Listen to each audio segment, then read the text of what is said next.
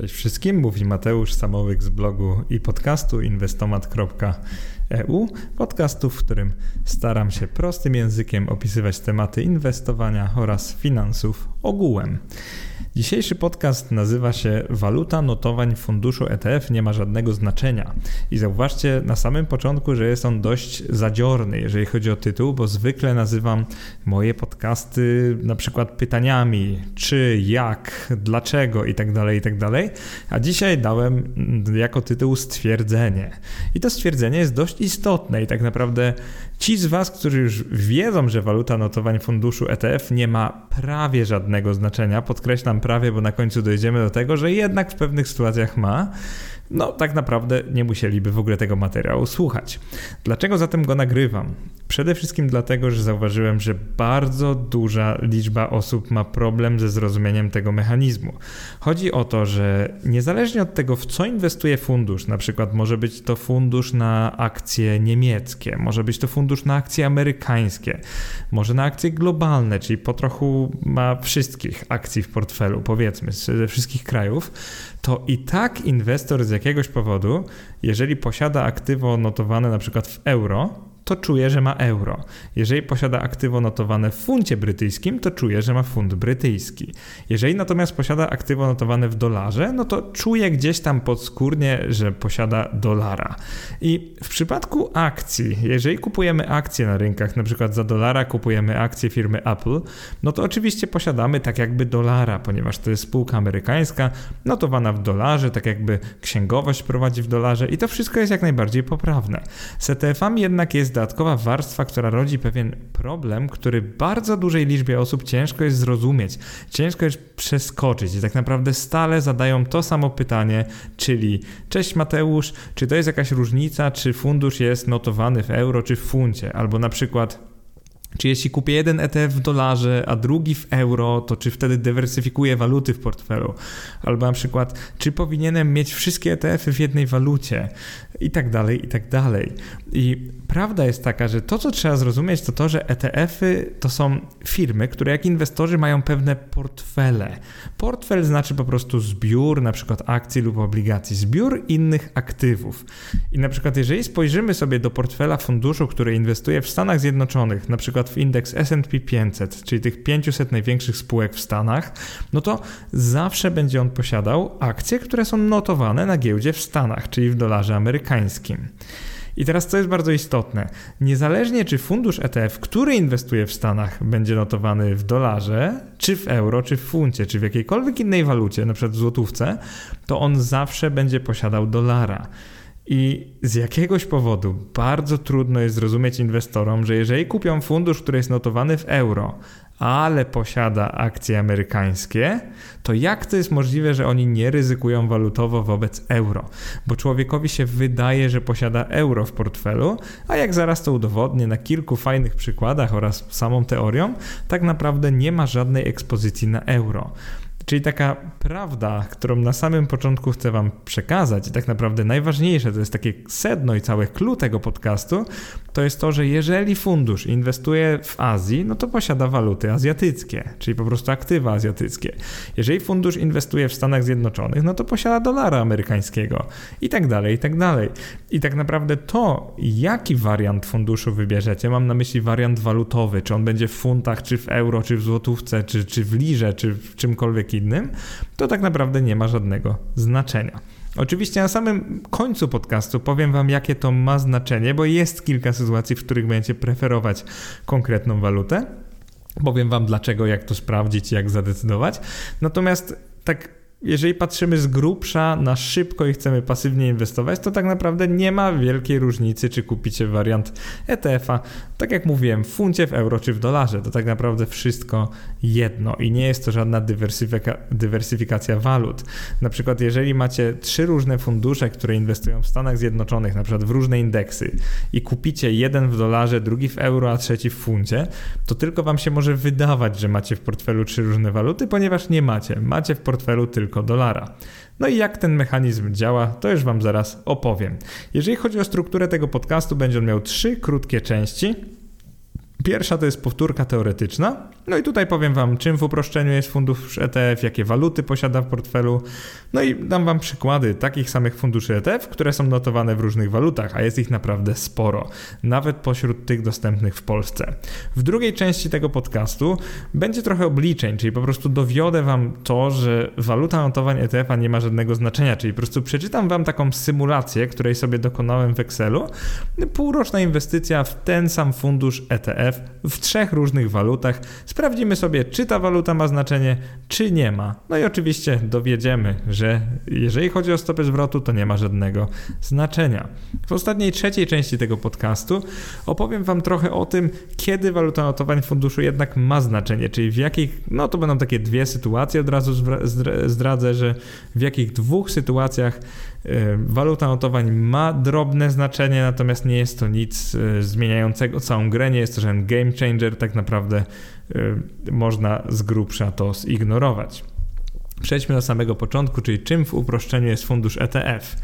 Przede wszystkim, jeżeli jeszcze nie czytałaś lub nie czytałeś yy, serii o ETF-ach na moim blogu albo nie słuchałeś podcastów, to serdecznie zapraszam do nadrobienia tego, ponieważ warto jest przeczytać całą serię. Tam jest kompleksowo wyjaśnione, czym jest ETF, ale tak z grubsza w uproszczeniu, żeby też trochę Wam przypomnieć, może taka mała powtórka.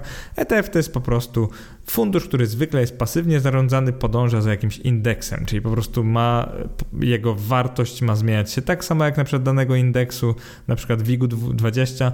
No i w ten sposób to znaczy, że najczęściej kupuje on po prostu fizycznie takie aktywa, czyli kupuje on spółki z WIG-20 w określonej proporcji, tak żeby zmiany jego cen były tożsame do zmian cen samego indeksu, nic prostszego. Więc fundusz ETF, weźmy na przykład taki trochę trudniejszy przypadek, czyli weźmy fundusz ETF na indeks MSCI World, czyli ten globalny indeks krajów rozwiniętych. On posiada w tej chwili głównie spółki ze Stanów Zjednoczonych, Japonii, Wielkiej Brytanii, Francji, Niemiec, Australii i Kanady. No oczywiście wielu też pomniejszych krajów, ale to są te główne. Czyli omawiany fundusz, niezależnie od jego wariantu, posiada w swoim portfelu głównie dolar amerykański, posiada trochę japońskiego jena, posiada on też trochę euro, trochę funta, trochę kanadyjskiego i australijskiego dolara. I to by było na tyle, jeżeli chodzi o waluty. Plus, tak jak mówiłem, kilka drobnych krajów jeszcze na pewno tam jest. Natomiast czy to, że kupicie ten fundusz w jakimś wariancie walutowym coś zmienia? Bo zauważcie, że możecie go kupić na przykład na Ksetrze, on jest w euro. Na London Stock Exchange, tej, tej, tej londyńskiej giełdzie, możecie go kupić w funcie brytyjskim albo w dolarze amerykańskim. W Amsterdamie też można go kupić w euro. Takie on ma warianty, jeżeli chodzi o iShares, tak naprawdę jest jeszcze kilka innych. No i teraz pytanie brzmi, czy to, że jest notowany w dolarze, znaczy, że posiada sam dolar? No w tym przypadku on posiada faktycznie dużo dolara, bo inwestuje w Stanach, ale ta jego waluta notowań nie ma tutaj najmniejszego znaczenia. No to jak działa ten fundusz? On tak naprawdę zbiera od inwestorów różne waluty, ponieważ dostępny jest do zakupu w różnych walutach. Na przykład weźmy ten fundusz e, na Ksetrze, który jest w euro.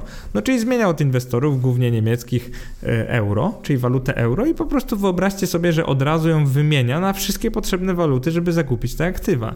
Czyli on bierze te euro, czyli za jednostkę ETF-a bierze od nich to euro i tak fizycznie sobie wyobraźcie, że zamienia je na dolary, jeny, e, euro już ma, więc nie musi zamieniać, e, dolary australijskie, dolary kanadyjskie, funty i po prostu kupuje akcje, więc po prostu bierze walutę od inwestora, kupuje akcje, no i później w jaki sposób on jest notowany w tej walucie, to ludzie nie mogą tego też pojąć.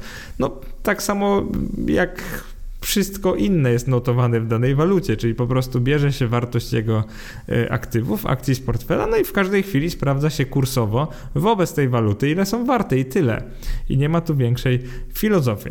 To jest tak w skrócie, jak działa fundusz ETF. Posiada on dane aktywa, to są prawdziwe waluty, wobec których ryzykujesz. Jest notowany w różnych aktywach, ponieważ on chce się sprzedać na wielu rynkach, na wielu różnych giełdach, żeby dojść do maksymalnej liczby inwestorów, więc to jest dość naturalne, że on się wystawia właśnie na London Stock Exchange, na Ksetrze, na innych giełdach, ponieważ on chce przyciągnąć jak najwięcej klientów.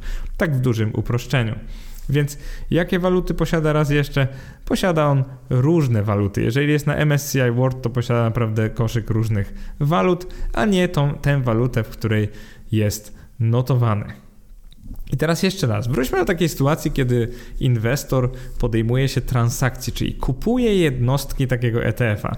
I teraz celowo wezmę taką walutę, która jest mało w jego portfelu, czyli fund brytyjski. Przychodzi Brytyjczyk do maklera i mówi, że chciałby kupić fundusz na MSCI World, czyli tak jak mówiłem, na ten zbiór różnych spółek z różnych krajów. Co się wtedy tak naprawdę dzieje? Teraz zrobię wam mini quiz, na co inwestor wymienia funta, jeżeli kupuje jednostkę ETF-a, który jest notowany w funtach, ale to jest ETF na MSCI World. I teraz będą dwie odpowiedzi. Nie będę dawał żadnych podpowiedzi. Pierwsza odpowiedź to jest, że wymienia swoje funty na jednostki funduszu ETF notowane w funcie brytyjskim, a więc na fund brytyjski. To jest odpowiedź numer jeden. Odpowiedź numer dwa brzmi, że wymienia on swoje funty na jednostki funduszu ETF, który posiada, posiada różne waluty, czyli dolara, jena, euro, też trochę funta zapewne, australijski dolar, dolar kanadyjski i wiele innych, a więc właśnie na te waluty. Oczywiście odpowiedziałem na to pytanie już wcześniej, pewnie się domyślasz, ale poprawną odpowiedzią jest druga odpowiedź, czyli właśnie na te waluty, które posiada fundusz w portfelu. I ci z Was, którzy pomyślą sobie, że to jest niepraktyczne, że on musi za każdym razem wymieniać te waluty na te wa waluty, które naprawdę posiada w portfelu, to pamiętajcie, że nie ma tu żadnego problemu. To robią duże instytucje, których koszty przewalutowania gra graniczą z zerem, mogą to robić po prostu y, po cenach rynkowych praktycznie, więc nie myślcie sobie, że to generuje jakieś wielkie dodatkowe koszty. Oni po prostu masowo wymieniają te waluty i kupują inne aktywa. No właśnie. I kilka przykładów tych samych funduszy ETF notowanych w różnych walutach. Tutaj nie trzeba szukać daleko, możecie odpalić moją listę ETF-ów albo sprawdzić to sobie w zakładce listing dowolnego ETF-a na stronie justetf.com, to jest niemiecka strona, na której macie bardzo fajne podsumowania, jeżeli chodzi o ETF-y. No i tam znajdziecie różne warianty różnych funduszy i dam wam kilka przykładów. Na przykład wybierając taki fundusz na obligacje te średnioterminowe, czyli 70 lat, y, rządu Stanów Zjednoczonych on się nazywa iShares USD Treasury Bond 7 to 10 Years UCITS, to jest nazwa tego ETF-a, no to szybko zobaczycie, że posiada on y, przynajmniej kilka różnych tickerów. Na samej mojej liście ETF-ów, czyli tych, które są dostępne przez polskie konta maklerskie, tam jest mBank, Bossa i XTB, znajdziemy cztery różne tickery. Pierwszy z nich to jest IUSM, on jest notowany we Frankfurcie w euro. Później mamy w Amsterdamie notowany BTMA, on też jest w euro. Następnie mamy londyński IBTM, on jest w funcie brytyjskim, ale mamy też londyński IDTM, D jak Danuta. On jest notowany w dolarze amerykańskim. No i teraz jak to jest możliwe, że fundusz, który inwestuje w obligacje dolarowe ma warianty w czterech walutach? No to jest bardzo proste, tak jak Wam wcześniej mówiłem. Wszystkie te fundusze posiadają tylko dolara, natomiast notowane są w różnych walutach i każdego dnia ta ich cena na giełdzie to jest nic innego jak wartość albo zmiana właściwie, wartość bieżąca tych obligacji amerykańskich razy obecny kurs waluty i nic więcej. Podobnie mamy na przykład ETF-a iShares na S&P 500, on się nazywa iShares Core S&P 500 UCITS. No i ten ETF podobnie jest notowany na czterech różnych giełdach.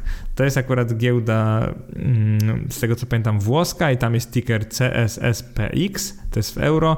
Później mamy Frankfurt SXR8, też w euro. Mamy Londyn CSP1, to jest akurat w funcie brytyjskim. No i na końcu mamy Amsterdam CSPX, to jest w euro.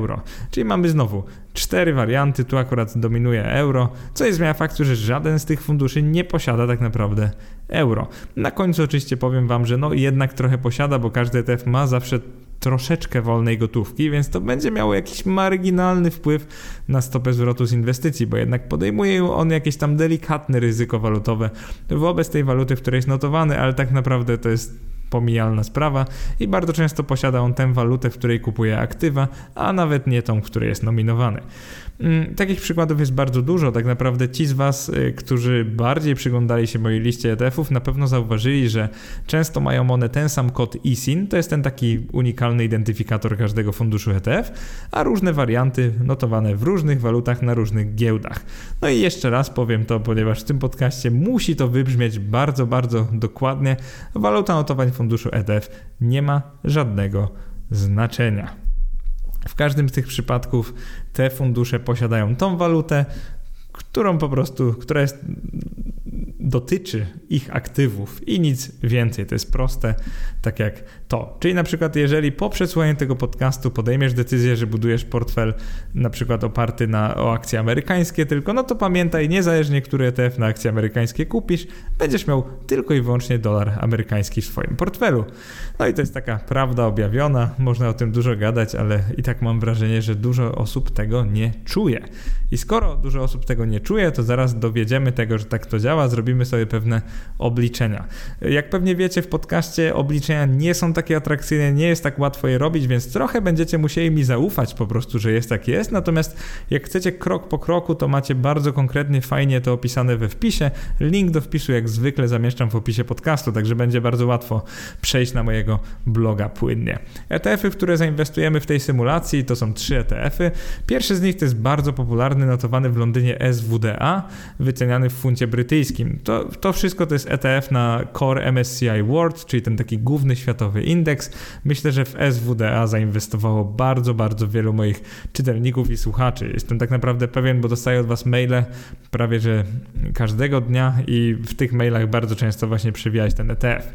No to to jest ten wariant w funcie brytyjskim, który jest z tego co pamiętam dostępny przed w M-Banku. Natomiast mamy też w Londynie IWDA i to jest ten sam fundusz, tylko wyceniany w dolarze amerykańskim. Następnie mamy też we Frankfurcie EUNL, no i znowu fundusz na to samo, czyli MSCI World, ale tym razem wyceniany w euro. Celowo to zrobiłem, żebyśmy mieli trzy fundusze na to samo, z tym samym ISIN-em, które są wyceniane, czyli notowane w różnych walutach. Na czym będzie polegać symulacja? Będzie ona bardzo prosta. Zakładamy, że 1 czerwca 2020 roku, czyli rok temu, zainwestowaliśmy po 1000 zł w każdy z tych funduszy. Czyli po prostu wzięliśmy danego dnia 1000 zł polskich i zainwestowaliśmy w każdy z tych wariantów. No oczywiście przykład jest o tyle abstrakcyjny, że no nie znam inwestora, który by kupował danego dnia po 1000 zł ten sam ETF w różnych walutach, no ale powiedzmy, że się pomyliliśmy. Może nie wiedzieliśmy, że to jest ten sam ETF, albo nie rozumieliśmy tego, że waluta notowań nie ma wpływu, więc robimy taki test, czy ona ma wpływ, czy nie ma wpływu. Oczywiście tego 1 czerwca y, kurs walut się znacząco różni, kurs jednostek ETF-a również, więc kupując na przykład EUNL za 1000 zł, kupujemy go za 227 euro z lekkim hakiem, kupiliśmy 4,32 jednostki, kupując IWD, czyli ten notowany w dolarze amerykańskim za 1000 zł, kupiliśmy za 250 no 251 dolarów około 4,33 jednostki. Kupując SWDA, ten notowany w funcie, za 1000 zł kupiliśmy 202,41 jednostki. Y, przepraszam, za tyle kupiliśmy. Mam na myśli za 202 funty, jednostki oczywiście były tylko 4,29. Poprawiłem swój błąd, także nie nagrywam ponownie. Y, no i co? Jak wygląda ta inwestycja? Y, mijają miesiące, my mamy taką potrzebę, żeby sprzedać te ETF-y pod koniec roku, na potrzeby przykładu, bo chcemy się rozliczyć z tej transakcji, także od 1 czerwca do końca roku, czyli takie no pełne 7 miesięcy praktycznie. No i teraz co się dzieje? Sprawdzamy sobie na stoku.pl na przykład, jak zachowują się kursy tych akcji. Jeżeli mnie słuchasz, to możesz albo zobaczyć to zaraz we wpisie, albo nawet samemu sobie na stoku.pl wpisać, y, wybierając takie ETF-y, jeden nazywa się eunl.com www.uk.de, drugi nazywa się iwda.uk, czyli UK, trzeci nazywa się swda.uk. Zróbcie sobie takie porównanie, czyli po prostu zestawcie sobie te trzy na jednym wykresie jak to się robi, też pokazałem we wpisie. I zobaczycie bardzo szybko, że te ETF-y ruszają się dość podobnie, natomiast jednak trochę się różnią. To tak wygląda, jakby ten dolarowy przyniósł najwyższą stopę zwrotu w tym okresie. Następnie wygląda to, jakby ten w funcie przyniósł taką trochę gorszą stopę zwrotu, ale jednak wyższą, natomiast ten w euro najniższą. I teraz pytanie, jak to jest możliwe, że ETF-y, które inwestują w to samo, przynoszą różną stopę zwrotu? No, i to jest zasadnicze pytanie.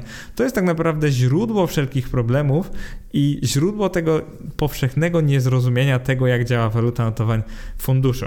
Zauważcie, co teraz porównaliśmy na wykresie? Porównaliśmy trzy różne waluty. No i większość z Was w tym momencie gdzieś podskórnie czuje, że jednak waluta notowań ma znaczenie, no bo przecież ten dolarowy jest najwyżej, czyli przyniósł jakby Przynajmniej tak to wygląda, najwyższą stopę zwrotu. Natomiast jaka jest prawda? Okazuje się, że jeżeli na koniec inwestycji, czyli zakładamy sobie na przykład 31 grudnia roku 2020, na sam koniec inwestycji wypłacamy te pieniądze, czyli sprzedajemy i zamieniamy na złotówkę, no to co się okaże? Zacznijmy od tej stopy zwrotu, która wynika jakby z liczb, jeżeli patrzymy na waluty oryginalne.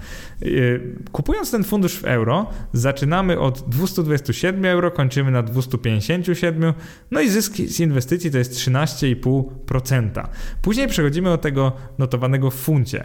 No to tu mieliśmy 202 funty, mamy 230 funtów, zysk jest trochę wyższy, około 14%. Jeżeli teraz patrzymy na dolarowy, no to jak to wygląda? No świetnie. 252 dolary, z nich zrobiło się 300, prawie że 17 dolarów i zysk wynosi 25%. Na papierze wygląda to jakby ten fundusz dolarowy przyniósł nam prawie że dwukrotnie wyższą stopę zwrotu od funduszu w euro i od funduszu w funcie brytyjskim. No tylko jaka jest prawda? Prawda jest taka, że jesteśmy inwestorami polskimi. Czyli inwestujemy w czym? Inwestujemy w złotówce, ale nawet niezależnie. Nawet jakbyśmy w dolarze inwestowali, to zaraz Wam opowiem, jak to się robi. Ale skoro zainwestowaliśmy po 1000 zł, no to wróćmy na chwilę do złotówek, czyli przeliczmy kwoty końcowe na złotówki. I teraz co się okazuje? Przypomnę, że te stopy zwrotu wynosiły około 14% dlatego w euro i w funcie, a 25% dlatego w dolarze. No to teraz co się okazuje? Jak te kwoty końcowe przeliczymy teraz z powrotem, czyli przeliczymy je na złotówki po kursie kursie złotego z dnia 31 e, grudnia roku 2020, no to co się okazuje? Okazuje się, że kwota końcowa ze wszystkich trzech inwestycji jest bardzo podobna. Dlatego w euro i w funcie wynosi dokładnie 1176 zł, dlatego w dolarze 1183. Ona się trochę różni, ale zauważcie jaka to jest drobna różnica. Czyli tak naprawdę uśredniając, we wszystkich trzech przypadkach osiągnęliśmy 18% zysku. Taka jest nasza stopa zwrotu w złotym polskim. I teraz co jest bardzo ciekawe, zauważcie, że wszystkie kursy walut są ze sobą powiązane. Skoro złoty w danym momencie ma kurs wobec do, na przykład dolara, to też ma wobec euro. No to zauważcie, że one, są, one działają tak, że wszystkie muszą być jak taki trójkąt ze sobą powiązane, bo inaczej to, to by się po prostu rozleciało. Ludzie by zaczęli masowo popełniać tak zwany arbitraż, no i te kursy walut szybko wróciłyby do takich poziomów, które powinny być. Więc o co tu chodzi? Jak to się stało, że na papierze i na wykresie wygląda jakbyśmy mieli trzy zupełnie różne stopy zwrotu, a w praktyce okazuje się, że są praktycznie identyczne? Chodzi o to, że nie powinniśmy mierzyć stopy zwrotu z inwestycji w, w różnych walutach. Zauważcie, że jakbyśmy wrócili do dolara, to też będziemy mieli jakąś stopę zwrotu konkretną.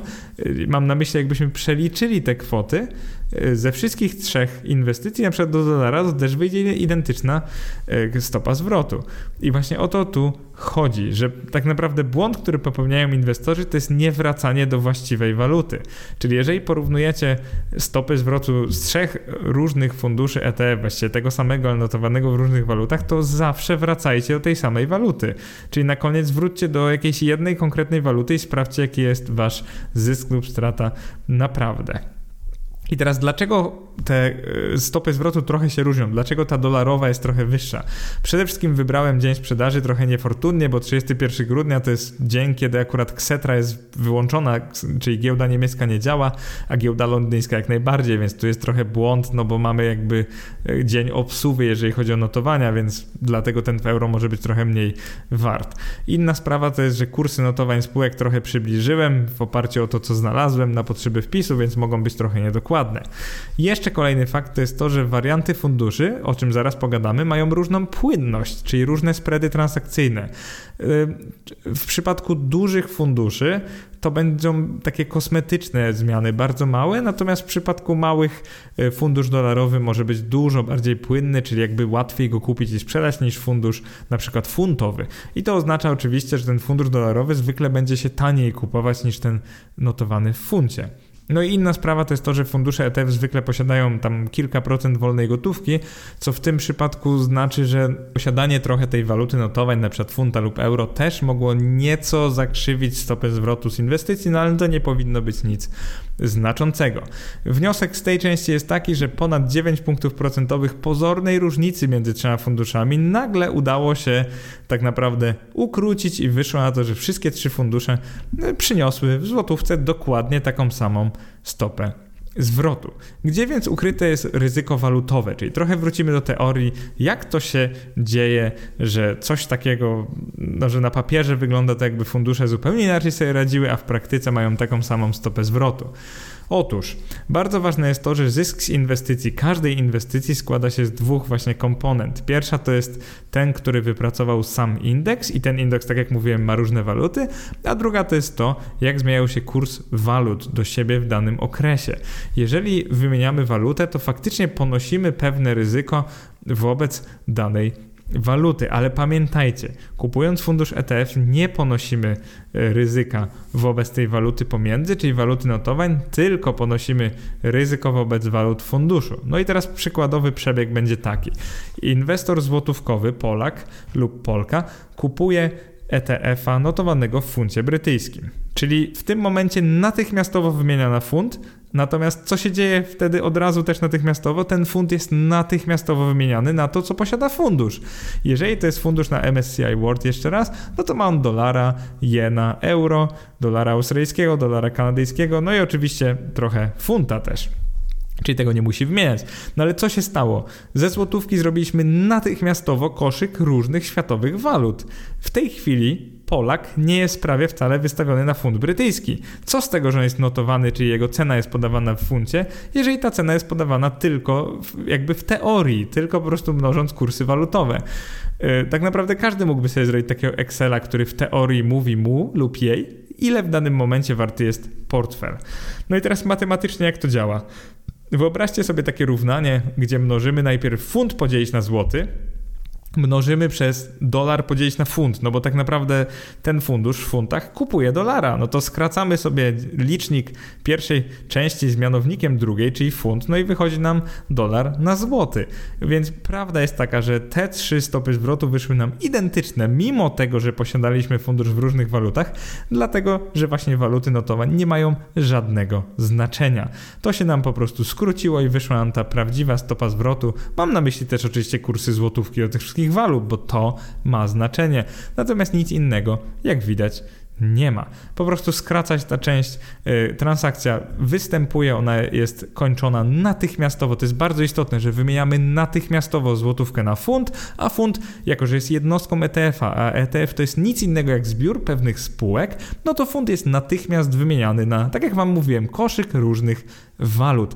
I teraz ta natychmiastowość jest bardzo ważna, bo zupełnie co innego by było, gdyby to nie było wymieniane natychmiastowo.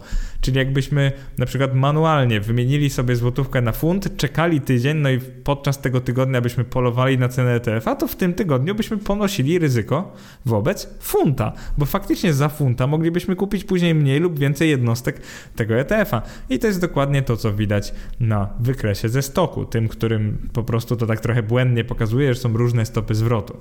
I teraz fajna metoda, żeby odczarować te wykresy, czyli jak skorygować na stoku wpływ waluty notowań. To jest dość proste. Wystarczy wybrać czysty wykres jednego z funduszy, przykład EUNL, ten z Ksetry, czyli eunl.de narysujcie go sobie i później uwzględnijcie kurs waluty, rysując go jako wykres siły względnej, to jest jedna z opcji pod wykresem, do USD eur, czyli USD eur, czyli po prostu kurs walut dolara do euro. I w ten sposób otrzymacie wykres funduszu EUNL tak jakby był w dolarze, czyli po prostu zmieniacie walutę w każdym możliwym momencie. Każdego dnia waluta się zmienia na dolar. I teraz do porównania dodajcie sobie tego ETF-a o nazwie IWDA. Pamiętajcie, to jest ten ETF dolarowy iwda.uk. To jest ticker tego y, ETF-a na stoku.pl. I teraz co się dzieje? Dodajecie sobie go do porównania, czyli porównaj z IWDA UK, no i nagle się okazuje, że te przebiegi praktycznie się pokrywają. Oczywiście analogicznie postąpcie dla tej drugiej pary ETF-ów, robi się to tak samo, tylko wybierzcie właściwe waluty i nagle się okazuje, że tak naprawdę te fundusze ETF zmieniają ceny dokładnie tak samo. Po prostu patrzycie na nie w różnych walutach, no i oczywiście różne waluty mają różną wartość danego dnia. I to, czego większość osób nie może zrozumieć, to to, że to nie jest tak, że jeżeli fund będzie słabł, a ETF posiada na przykład samego dolara, bo inwestuje w Stanach, to wy tracicie, bo on jest notowany w funcie. Zauważcie, że to nie ma żadnego znaczenia, no bo co z tego, że fund stracił, czyli wasz ETF jakby spada, jego wartość spada, jak wy końcowo posiadacie dolara, więc na końcu co się stanie? No, będziecie mieli w tym jakby osłabionym funcie będziecie do, otrzymacie z powrotem te aktywa jakby dolarowe. To trzeba tak naprawdę poczuć. Najłatwiej będzie, jak wrócicie do mojego artykułu i zobaczycie sobie tą tabelkę. Tak naprawdę samo takie obejrzenie tej tabeli może pomóc człowiekowi zrozumieć, jak to działa. Tam też jest taki fajny diagram, gdzie właśnie pokazuje to skracanie i tak naprawdę doskonale widać, wobec jakiej waluty się ryzykuje, wobec jakiej nie. Najczęściej to pytanie przestaje się zadawać, jak już się inwestuje w ETF-y, czyli samemu już się na przelicza na złotówki lub kiedyś się sprzedało już jednostki ETF-a. Oczywiście nie polecam takiego kupowania, sprzedawania co miesiąc, nie o to chodzi w inwestowaniu długoterminowym, Natomiast najczęściej to wychodzi w praniu, czyli jak już człowiek to faktycznie robi, to nagle faktycznie moja stopa zwrotu jest taka, jak była tego funduszu właściwego w, te, w tamtych walutach, a nie w żadnej konkretnej. Więc metoda korygowania wykresów na stoku jest bardzo przydatna. Polecam ją stosować do wszystkich zagranicznych aktywów. Mam na myśli oczywiście ETF-y, które posiadają różne waluty, żeby nie wpaść w tą pułapkę myślenia, że y, ponosimy ryzyko walutowe wobec waluty notowań ETF-a. To nie ma kompletnie sensu i w teorii, i w praktyce po prostu tak nie jest. Na sam koniec tutaj się zachowam trochę jak adwokat diabła, ponieważ najpierw przez cały podcast, przez pół godziny mówię wam, że waluta notowań funduszu nie ma znaczenia, a teraz powiem w jakich sytuacjach sytuacjach jednak ma znaczenie, ponieważ podkreślam, że ona jednak czasami może mieć znaczenie, jeżeli chodzi o preferencje. Przede wszystkim pierwsza taka oczywista sytuacja to jest, kiedy waluta notowań funduszu jest walutą, w której inwestujesz. Jeżeli na przykład prowadzisz konto w Niemczech i twoje konto jest w euro, bo po prostu masz niemieckie konto maklerskie, no to naturalnie powinieneś lub powinnaś preferować fundusze ETF notowane w euro, ponieważ będziesz unikać y, drogiego czasami przewalutowania przez maklera. No i w chwili, kiedy to nagrywam, niektóre polskie domy i biura maklerskie pobierają całkiem sowite opłaty za przewalutowanie, inne mają to prawie za darmo. Tak naprawdę zależy, kto to robi, kto tego dokonuje, ale prawda jest taka, że zawsze warto jest przezornie unikać przewalutowania. Więc jeżeli na przykład zarabiasz w euro, wydajesz w euro i chcesz inwestować w euro, Oczywiście pamiętaj, że to, że fundusz jest notowany w euro nie znaczy, że je posiada, bardzo ważne, ale wtedy oczywiście preferuj te wersje, te warianty ETF-ów, które są notowane w euro. Będzie ci się po prostu łatwiej żyło. No i oczywiście trochę taniej inwestowało, no bo unikniesz opłaty za przewalutowanie. To jest pierwsza sytuacja. E, druga sytuacja jest taka, że różne wersje walutowe funduszy mają czasami różną wartość aktywów i płynność. Tak naprawdę one zawsze prawie, że mają różną płynność w zależności od giełdy i waluty. No i pokażę to zaraz Tobie na przykładzie tego właśnie ETF-a IFDA, SWDA i EUNL, czyli tego popularnego iShares na MSCI World. Czyli zaraz to zobaczymy na przykładzie, ale do tego jeszcze wrócimy. No i kolejna sprawa jest taka, że wyniki funduszy ETF mogą się faktycznie lekko różnić w zależności od walut notowań, ale tak jak powiedziałem, to tu, tu już bardziej chodzi o wielkość aktywów niż o samą walutę, czyli po prostu jeżeli ETF ma na przykład mniej aktywów, to może trochę bardziej topornie reagować na pewne zmiany indeksów i to faktycznie widać, bo nawet jak na stoku sobie odfiltrujecie już waluty, czyli narysujecie te wykresy siły względnej funduszu do kursu walut, no to okaże się, że one się tak delikatnie troszeczkę różnią. W długim terminie nie powinny prawie wcale, ale jednak one mają taką pomijalną, malutką różnicę. Więc ci, którzy powiedzą, że jednak ma znaczenie, no o tyle mają rację, że faktycznie one są zarządzane jakby jednak czasami nawet przez inne osoby, no i czasami idzie to trochę bardziej lub mniej topornie, więc tam z dnia na dzień troszkę tam się wahają jakieś niecałe, jakieś tam promile dosłownie. Wracamy do, tego, do tej płynności funduszu, na przykład na Bloombergu można ją sprawdzić. Dla danego dnia sprawdziłem na przykład IWD, czyli ten notowany w dolarze, ile było y, obrotu. Przypominam, wolumen to jest liczba jednostek, albo akcji, które zmieniły właściciela w ciągu dnia. Obrót to jest nic innego jak wartość papierów, która zmieniła właściciela w ciągu dnia, czyli tak jak, jakby ile y, wartości, ile milionów y, wartości danego papieru zmieniło właściciela. No i IWDA miał tutaj 6,5 miliona dolarów amerykańskich, bardzo dużo. SWDA danego dnia miał w przeliczeniu na dolar oczywiście 2,4 miliona dolarów, czyli no tak solidnie ponad dwa razy mniej. Natomiast EUNL miał ten, tą płynność, te obroty e, w wysokości jakichś 4 milionów dolarów około. Więc jakby tutaj od razu widać, że najbardziej płynnym wariantem jest ten dolarowy, przynajmniej tamtego dnia był. No i oczywiście to znaczy, że w pewnym sensie powinno się go preferować. Im bardziej płynny fundusz, tym lepiej, tym łatwiej będzie tobie kupić i sprzedać jednostki w przyszłości. I tak jak mówiłem, jeżeli masz konto walutowe, to oczywiście, że kupuj ten ETF, której y, waluty już posiadasz, ponieważ nie ma sensu wymieniać, jeżeli to jest niekonieczne. Na samym końcu chciałbym Ci podziękować jak zwykle za słuchanie mojego podcastu, za czytanie moich artykułów. Oczywiście zapraszam do dyskusji na blogu, jeżeli Ci się ten wpis czy podcast spodobał lub nie spodobał. Zapraszam oczywiście do polubienia podcastu na Apple Podcast. Będę bardzo wdzięczny za wystawienie recenzji. Swoją drogą chciałem podziękować tym kilkunastu osobom, które ostatnio właśnie wystawiły ocenę, napisały recenzję. To naprawdę bardzo pomaga każdemu podcastowi, więc jeżeli chcecie mi pomóc, tu niekoniecznie trzeba finansowo. Naprawdę najprostszym sposobem jest właśnie wystawienie takiej recenzji na Apple Podcast. I tak naprawdę to wystarczy. Będę Wam bardzo wdzięczny. Na razie.